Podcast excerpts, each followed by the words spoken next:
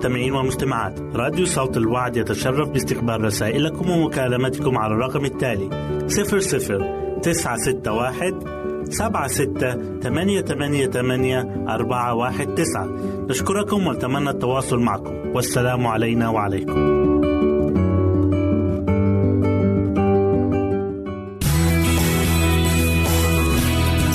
يمكنك استماع وتحميل برامجنا من موقعنا على الإنترنت www.awr.org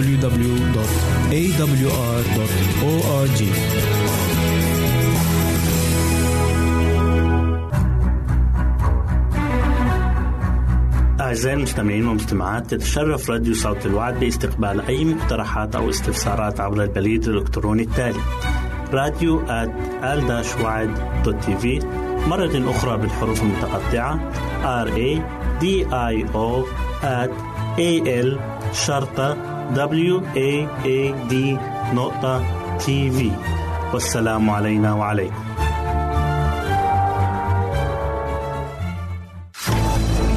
أعزائي المستمعين والمستمعات راديو صوت الوعد لا يكتفي بخدمتكم عبر الموجات الصوتية فقط بل وإنه يطرح لكم موقعا إلكترونيا يمكنكم من خلاله مشاهدة أجمل البرامج الدينية الثقافية الاجتماعية وغيرها من المواضيع الشيقة. يمكنكم زيارة الموقع من خلال العنوان التالي www.al waad.tv مرة أخرى بالحروف المتقطعة www.al-waad.tv والسلام علينا وعليكم.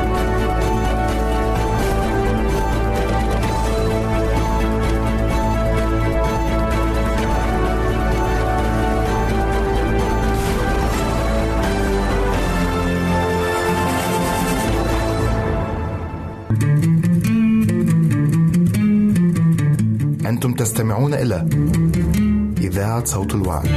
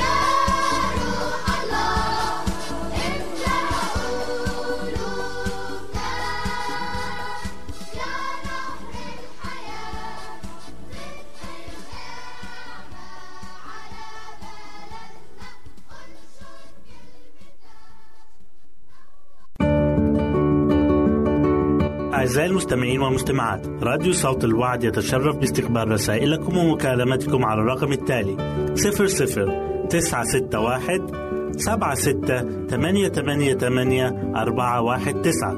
نشكركم ونتمنى التواصل معكم. والسلام علينا وعليكم.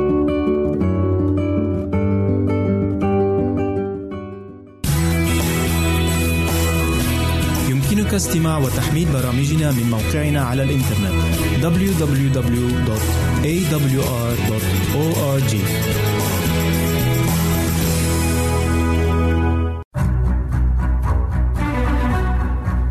أعزائي المستمعين والمستمعات تتشرف راديو صوت الوعد باستقبال أي مقترحات أو استفسارات عبر البريد الإلكتروني التالي راديو تي في مرة أخرى بالحروف المتقطعة R A D I O at A L شرطة W A A D نقطة تي في والسلام علينا وعليكم. خميرة في قلوبنا. وقال أيضا بماذا أشبه ملكوت الله؟ يشبه خميرة أخذتها امرأة وخبأتها في ثلاثة أكيال دقيق حتى اختمر الجميع. لوقا 13 20 21 يوضح لنا هذا المثل تغلغل قوه الإنجيل واستيعابه والتي ينبغي أن تشكل الكنيسة وتصوغها حسب النموذج السماوي بالعمل في قلوب الأعضاء كأفراد. وكما تعمل الخميره في الدقيق كذلك الروح القدس يعمل في القلب البشري ممتصا كل قدراته وطاقاته ليجعل النفس والجسم والروح في توافق مع المسيح. ففي المثل وضعت المرأة الخميرة في الدقيق. من الضروري تزويد النفس بحاجتها. بذلك يعلمنا الله أن الإنسان بنفسه لا يمتلك مؤهلات الخلاص وهو لا يستطيع أن يبدل نفسه بترويض إرادته. فالحق لا بد أن يتم قبوله في القلب. وهكذا فالخميرة السماوية تقوم بعملها. فعن طريق قوتها المحيية المغيرة تقوم بعملها المبذل في القلوب. فتستيقظ أفكار جديدة ومشاعر جديدة ومقاصد جديدة. فالفكر يتبدل وقوى الإنسان تبدأ بالعمل بالاتجاه الصحيح. فالإنسان لا يتم تزويده بطاقات جديدة ولكن الله يقدس قواه وطاقاته التي يمتلكها. وعندئذ يستيقظ ضميره الهائج. ولكن الإنسان لا يتمكن من القيام بهذا التبديل بنفسه. إنه لا يتم إلا بالروح القدس. وكل من يرغب في الخلاص سواء كان رفيعا أو وضيعا غنيا أو فقيرا ينبغي له الخضوع لعمل هذه القوة المغيرة. هذا الحق صرح به الرب يسوع لنقديموس بقوله الحق الحق أقول لك إن كان أحد لا يولد من فوق لا يقدر أن يرى ملكوت الله. المولود من الجسد جسد هو والمولود من الروح هو روح. لا تتعجب إنني قلت لك ينبغي أن تولد من فوق. الريح تهب حيث تشاء وتسمع صوتها. لكنك لا تعلم من أين تأتي وإلى أين تذهب. هكذا كل من ولد من الروح. عندما يسيطر روح الله على عقولنا سنفهم عندئذ الدرس الذي تم تقديمه عن طريق مثل الخميرة. إن الذين يفتحون قلوبهم لاستلام الحق سيدركون أن كلمة الله هي الوسيلة الكبرى الفاعلة في تغيير الأخلاق.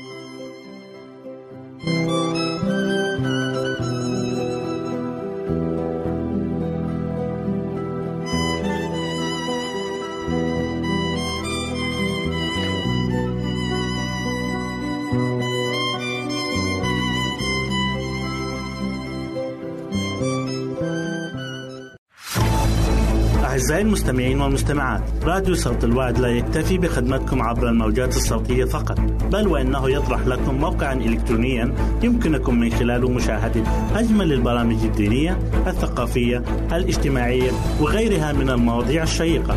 يمكنكم زيارة الموقع من خلال العنوان التالي www.al-waad.tv مرة أخرى بالحروف المتقطعة www.al-waad.tv والسلام علينا وعليكم.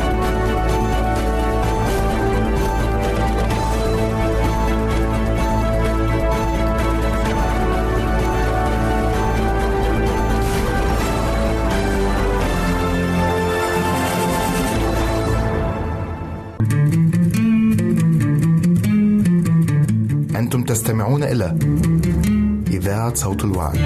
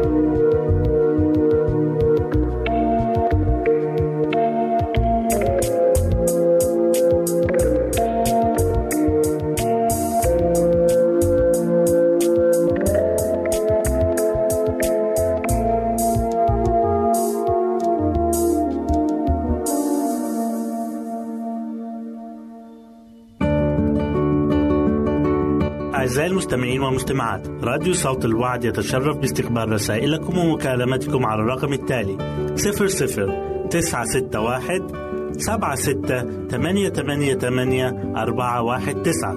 نشكركم ونتمنى التواصل معكم. والسلام علينا وعليكم.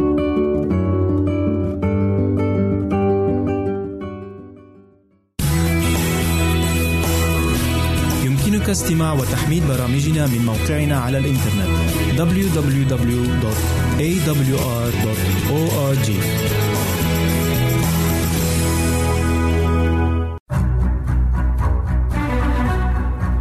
أعزائي المستمعين والمستمعات تتشرف راديو صوت الوعد باستقبال أي مقترحات أو استفسارات عبر البريد الإلكتروني التالي راديو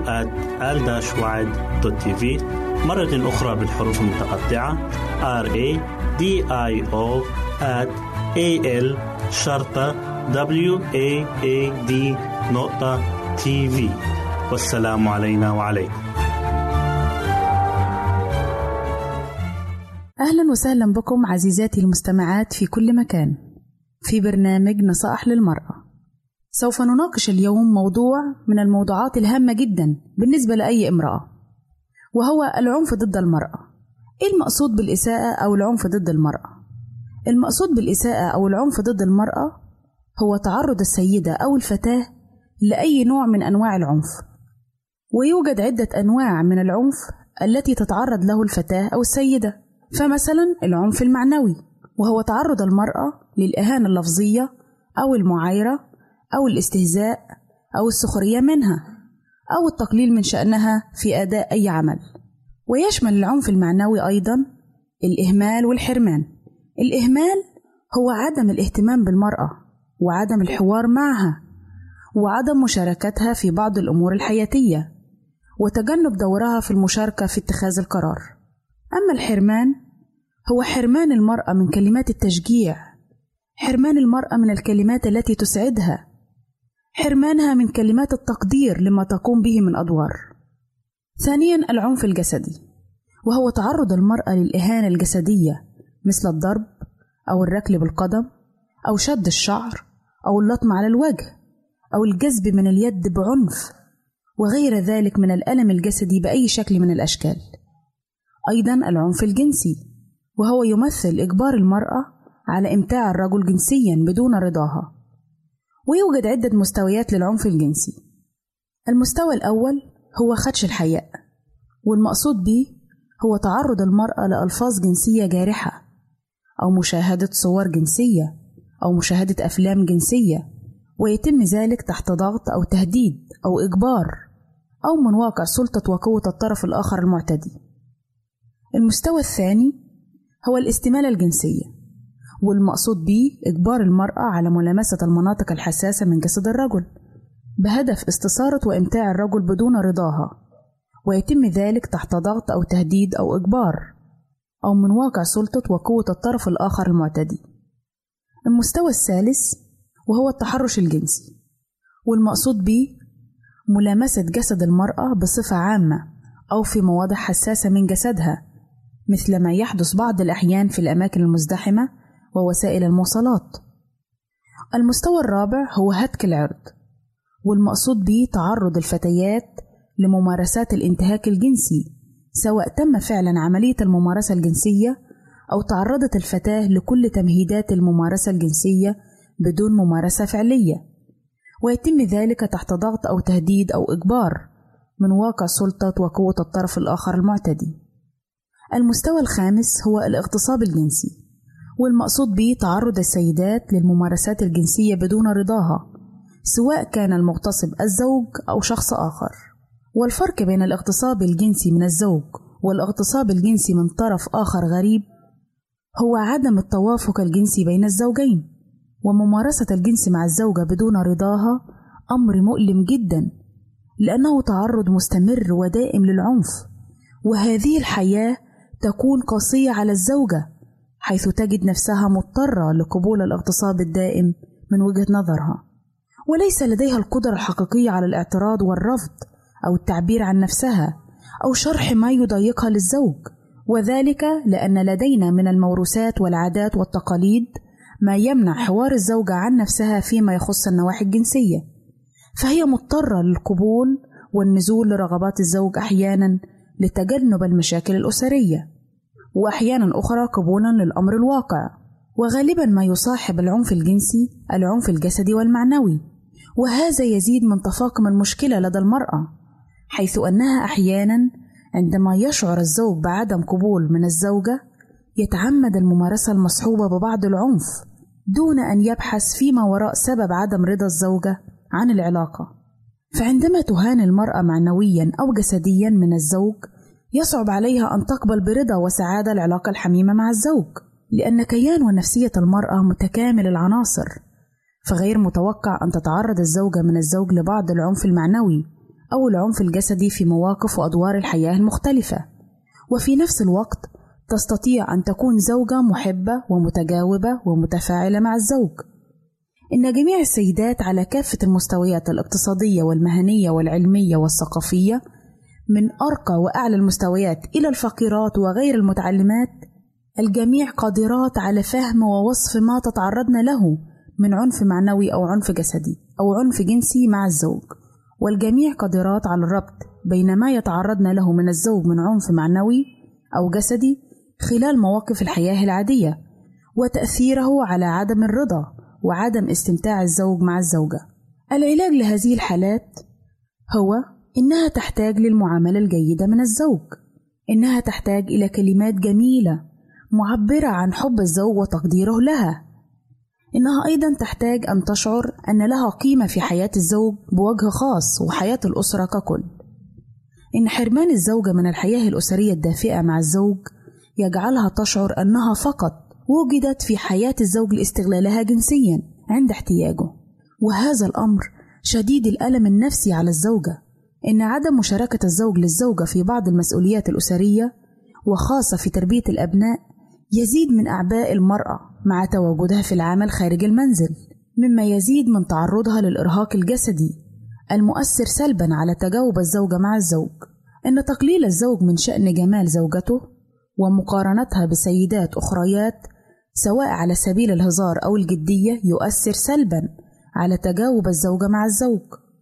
إن قدرة الزوج على المجاملة وإبداء إعجابه وثنائه على مظهر الأخريات معبرا عن ذلك بوضوح في حين يتجاهل زوجته يؤثر سلبا على تجاوب الزوجة مع الزوج. إلى هنا نأتي عزيزاتي إلى نهاية برنامجنا نصائح للمرأة. نسعد بتلقي آرائكم ومقترحاتكم وتعليقاتكم وإلى لقاء آخر على أمل أن نلتقي بكم. تقبلوا مني من أسرة البرنامج أرق وأطيب تحية.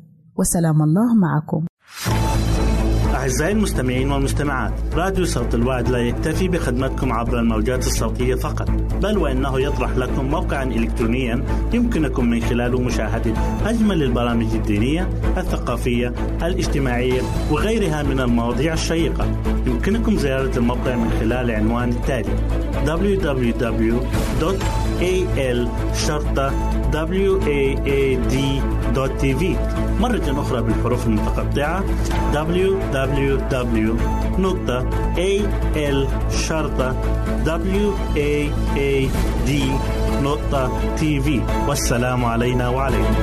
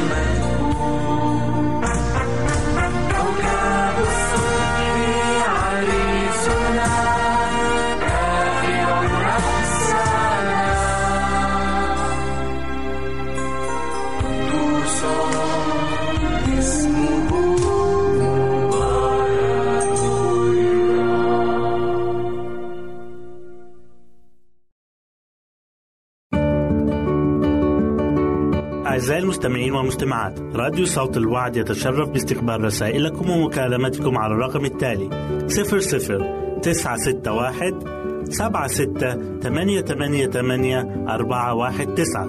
نشكركم ونتمنى التواصل معكم. والسلام علينا وعليكم.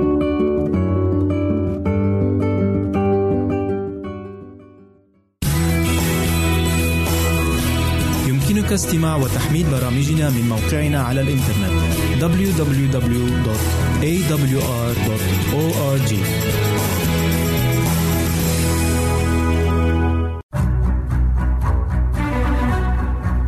أعزائي المستمعين والمستمعات تتشرف راديو صوت الوعد باستقبال أي مقترحات أو استفسارات عبر البريد الإلكتروني التالي راديو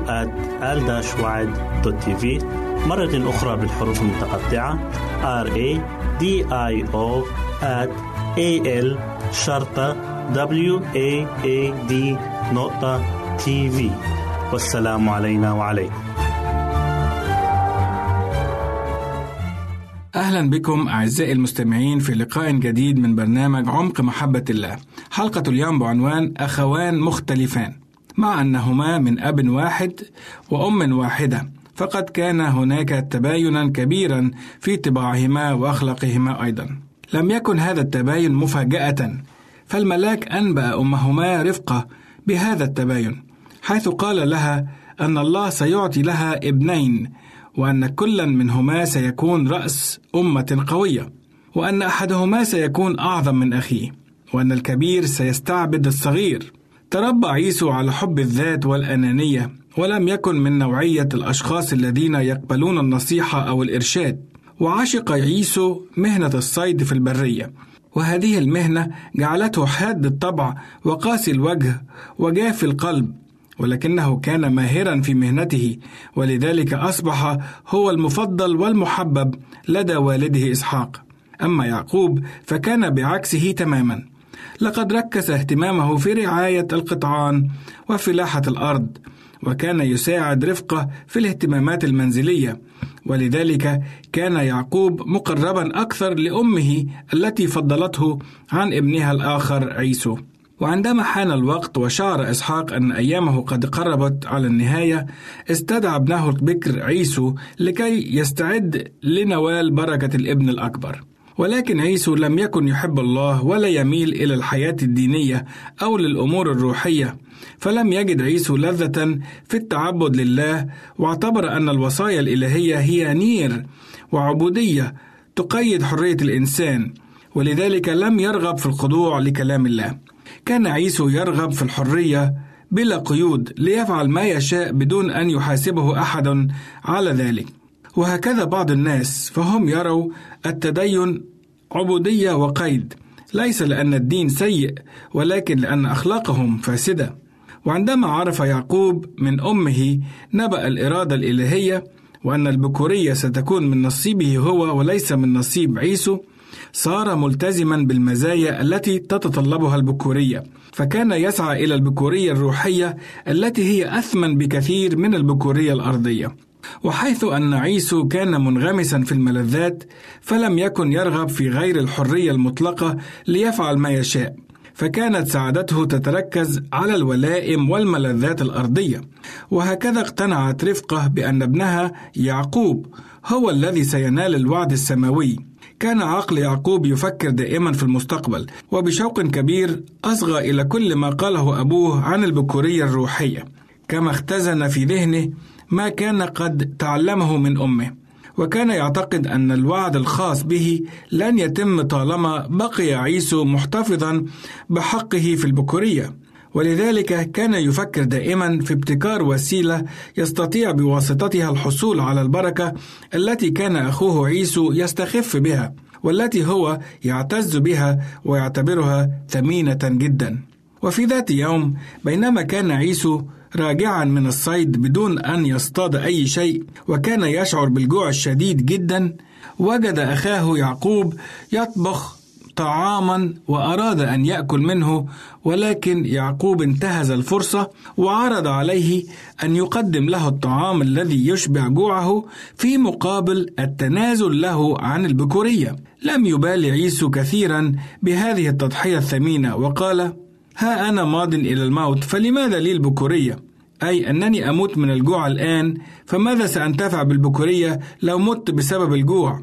لم يكن ثمن البكورية باهظا أبدا كان الثمن هو مجرد طبخة عدس. ولكي يشبع عيسو شهوته للطعام تنازل عن ذلك الميراث المجيد الذي وعد به الله آباءه وحلف عيسو ليعقوب بذلك لقد كان كل اهتمامه محصورا بالزمن الحاضر فقط وكان مستعدا للتضحية بالبركات السماوية في سبيل الأمور الأرضية الفانية. عزيزي قد نستهين نحن بالأمر ونلوم عيسو وما أسهل أن نضع اللوم على سوانا وننسى أننا نحن أيضا أحيانا نبيع السماء وكل ما فيها والحياة مع الرب يسوع. وما لم ترى عين ولم تسمع به أذن من أجل ملذات أرضية فانية. ويطبق علينا ما قيل على عيسو في تكوين 25 34 فاحتقر عيسو البكورية. ما أكثر الذين يبيعون السماء في سبيل اللذة الجامحة. لقد كان عيسو دائما خاضعا للملذات الأرضية. فتزوج بامرأتين من بنات بني حث الوثنيين وكانتا تعبدان آلهة آلهتهما. لقد نقض عيسو العهد الذي عقده الله مع إبراهيم أن لا يتزوج نسله من الوثنيات لأنه نسل مبارك. شاخ إسحاق وضعفت عيناه وكان ينتظر مجيء الموت في أي لحظة فأراد أن يمنح البركة لابنه الأكبر. فطلب من ابنه عيسو قائلا كما نقرأ في تكوين 27 3 و4 فالآن خذ عدتك جعبتك وقوسك واخرج إلى البرية وتصيد لي صيدا واصنع لي أطعمة كما أحب وأتني بها لآكل حتى تباركك نفسي قبل أن أموت. ويبدو أن رفقة حاولت عبثا التأثير على تفكير إسحاق سابقا ولكنها لم تنجح. لذلك لجأت إلى الحيلة لكي تصل البركة ليعقوب وليس لعيسو. ولما خرج عيسو ليصطاد بدأت رفقة بتنفيذ خطتها. فأخبرت ابنها يعقوب بما حدث وألحت عليه العمل سريعا ليأخذ هو البركة. لم يوافق يعقوب بسرعة على الخطة التي اقترحتها رفقة أمه ولكن أمه تغلبت على شكوكه فبدأ في تنفيذ ما اقترحته عليه أمه فحصل على البركة التي كان يشتهيها بالخداع. مع أن يعقوب ورفقة نجحا في خداعهما ولكنهما لم يحصلا إلا على المتاعب والأحزان. فكانت تلك المشورة سببا في انفصال ابنها يعقوب عنها ولم ترى وجهه مرة أخرى حتى يوم موتها. أحبائي إن التمتع بالمسرات والملذات الأرضية لن يجلب لأحد إلا الندم والحسرة والبكاء كما كان الحال مع عيسو.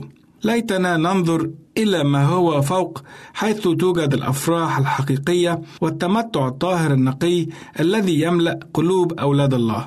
نشكركم أعزائي المستمعين لحسن استماعكم إلى برنامج عمق محبة الله ونلتقي في حلقة جديدة الأسبوع القادم.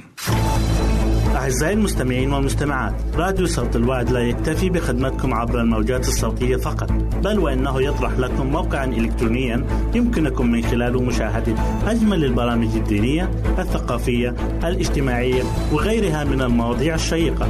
يمكنكم زيارة الموقع من خلال العنوان التالي www al شرطة waad.tv مرة أخرى بالحروف المتقطعة www waad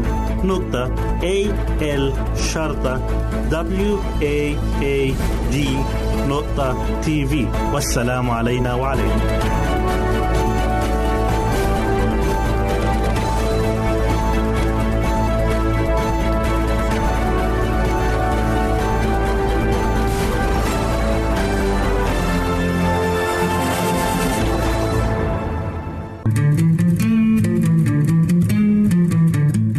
تستمعون إلى إذاعة صوت الوعي.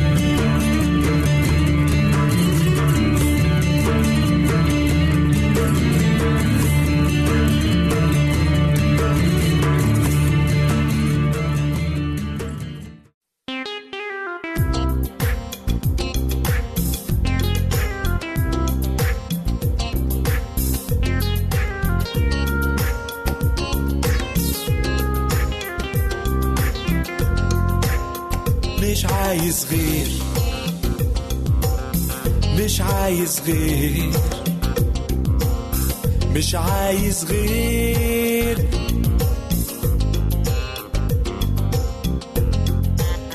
مش عايز غير. مش عايز غير. مش عايز غير.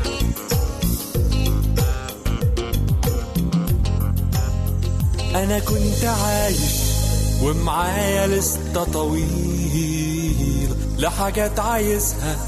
وحاجات كانت عجباني لكن اديت ظهري لحاجات منها كتير. علشان قلبي بقى ليه طلبات تاني. مش عايز غير.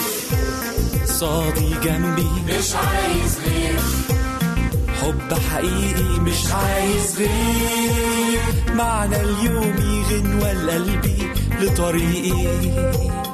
طلباتي كتير لكن إيه هو احتياجي؟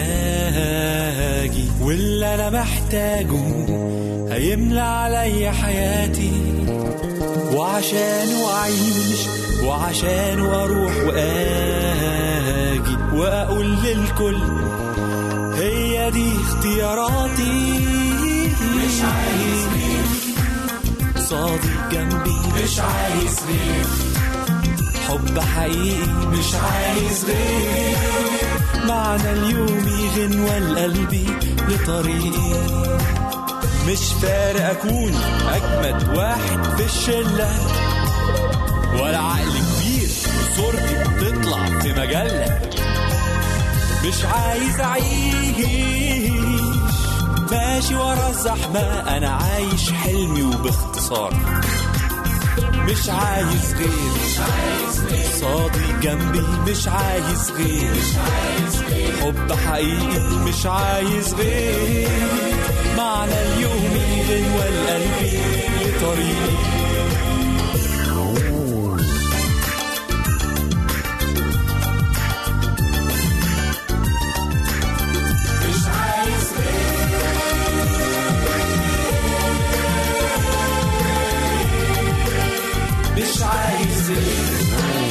غير صادق جنبي مش عايز غير. حب حقيقي مش عايز غير. معنى اليوم غنوة لقلبي بطريقي مش عايز غير. صادق جنبي مش عايز حب حقيقي مش عايز غير. معنى اليوم غنوة لقلبي لطريقي مش عايز غير.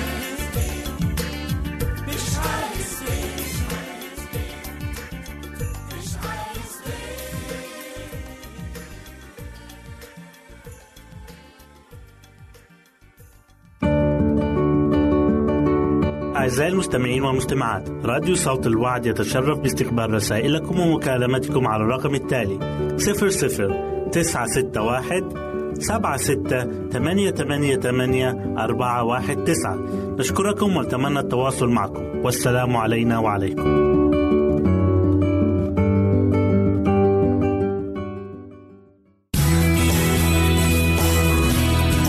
يمكنك استماع وتحميل برامجنا من موقعنا على الإنترنت www.awr.org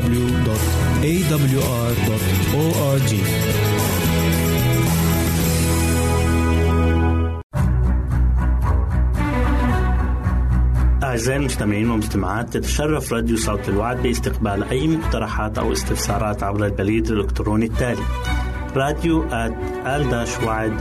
في مرة أخرى بالحروف المتقطعة. R A D I O at A L شرطة W A A D نقطة تي في والسلام علينا وعليكم. نرحب بكم في لقاء جديد مع البرنامج الصحي نحو حياة واعدة مع ماجد بشرى.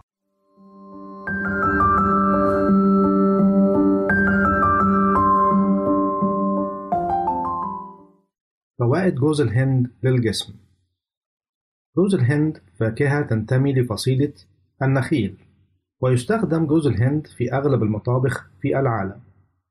فهو ذو مذاق حلو مميز ويمد الجسم بالكثير من المغذيات التي يحتاج إليها. وتكون الثمار خضراء من ثم تتحول إلى اللون البني وبعد أن تنضج بشكل كامل وتصبح قشرتها صلبة وبداخل هذه القشرة توجد فاكهة الجوز الهندي البيضاء. كما أن الثمرة تحتوي على ماء حلو المذاق يمكن تناوله. وتتميز الثمرة بأنها تتكون من نسب عالية من الدهون المشبعة التي تفيد الجسم. كما أن جوز الهند يحتوي على الدهون الثلاثية التي توجد على شكل سلاسل متوسطة الطول تذهب للكبد لتتحول لهيئة الكيتون الذي له القدرة على علاج معظم اضطرابات الدماغ كالزهايمر والصرع. القيمة الغذائية لجوز الهند. تحتوي ثمرة جوز الهند على 354 سعرة حرارية كما أن فيها كربوهيدرات بنسبة 12% من وزنها والبروتين بنسبة 6% إجمالي الدهون فيها يعادل 167%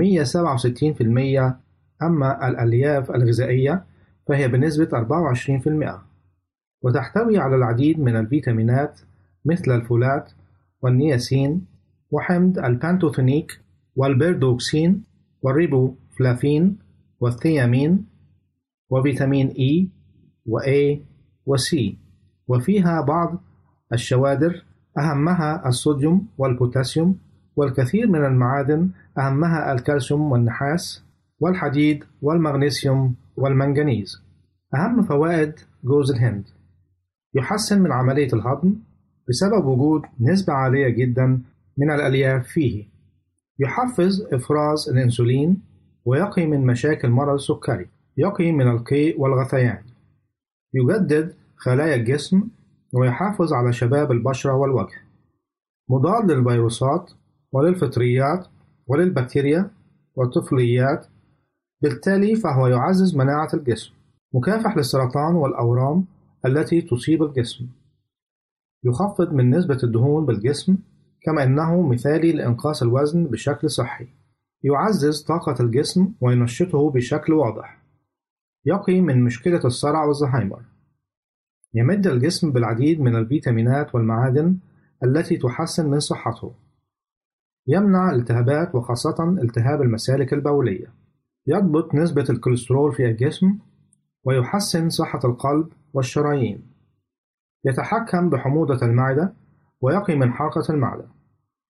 ماء جوز الهند يستخدم للتخلص من البكتيريا في الفم كما أنه يحسن من رائحته وذلك من خلال شرب ماء جوز الهند أو تمضمض به بشكل متكرر. جيد لصحة الشعر والعظام والأظافر وهو يعزز من مقدرة الجسم على امتصاص الكالسيوم والمغنيسيوم والفوسفور. وهذه المعادن هي المكونات الأساسية للعظم وبالتالي فإنه يقي من هشاشة العظام. يستخرج منه زيت جوز الهند. يعد جوز الهند من الزيوت التي نالت شعبية كبيرة في السنوات الأخيرة بسبب فوائده الصحية الكثيرة. كما أنه يحتوي على نسبة عالية من الدهون المشبعة التي تصل إلى 90% وعلى الرغم من تأثيره على القلب والأوعية الدموية إلا أن العديد من الناس قد استبدلوا الزيوت الأخرى بزيت جوز الهند خاصة في أمور الطهي.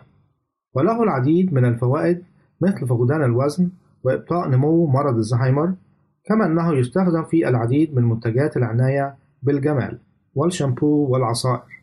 وفي ضوء كل ذلك يجب استخدامه بحذر تام. فوائد زيت جوز الهند للبشرة حماية الجلد الجاف أو المتقشر حيث يوفر الرطوبة العالية للبشرة كما أنه يحمي الجلد من أمراض الجلدية. تقوية أنسجة الجلد بشكل أكثر عمقا وإزالة خلايا الجلد الميتة عندما يمتصه الجلد بسرعة. تأخير حدوث التجاعيد ومنع الشيخوخة المبكرة لاحتوائه على فيتامين إي الذي يعد من مضادات الأكسدة الذي يحمي خلايا الجلد من التلف مع مرور الوقت.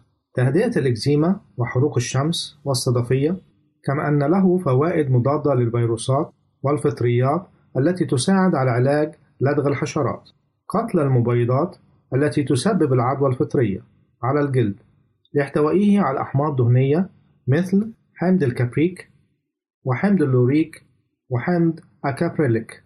من فوائد زيت جوز الهند رفع مستوى الكوليسترول الجيد في الدم تقليل نسبة السمنة التي تعد واحدة من أكبر المشاكل في الوطن العربي. وبهذا نأتي إلى ختام حلقتنا. نرجو أن تكونوا قد استمتعتم بها. حتى نلقاكم في حلقة أخرى.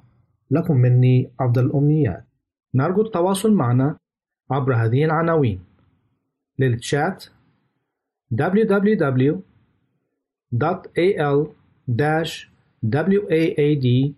www.al-waad.tv وللرسائل radio at al-wad.tv والاتصال عبر الواتساب 961 76 888 419 961 76 888 419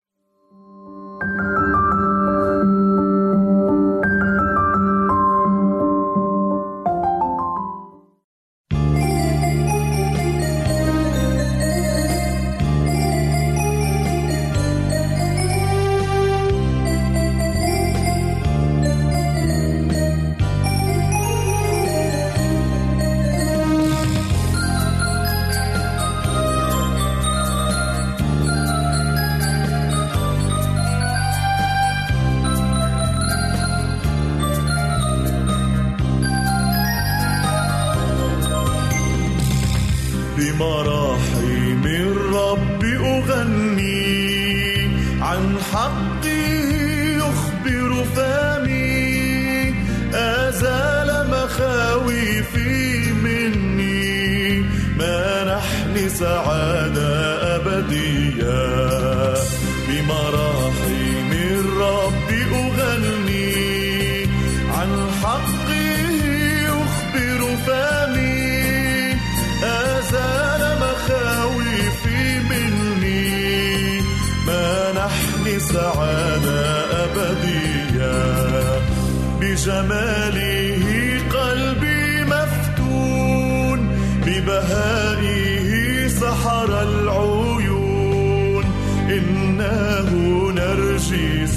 شارون سوسانة بالأودية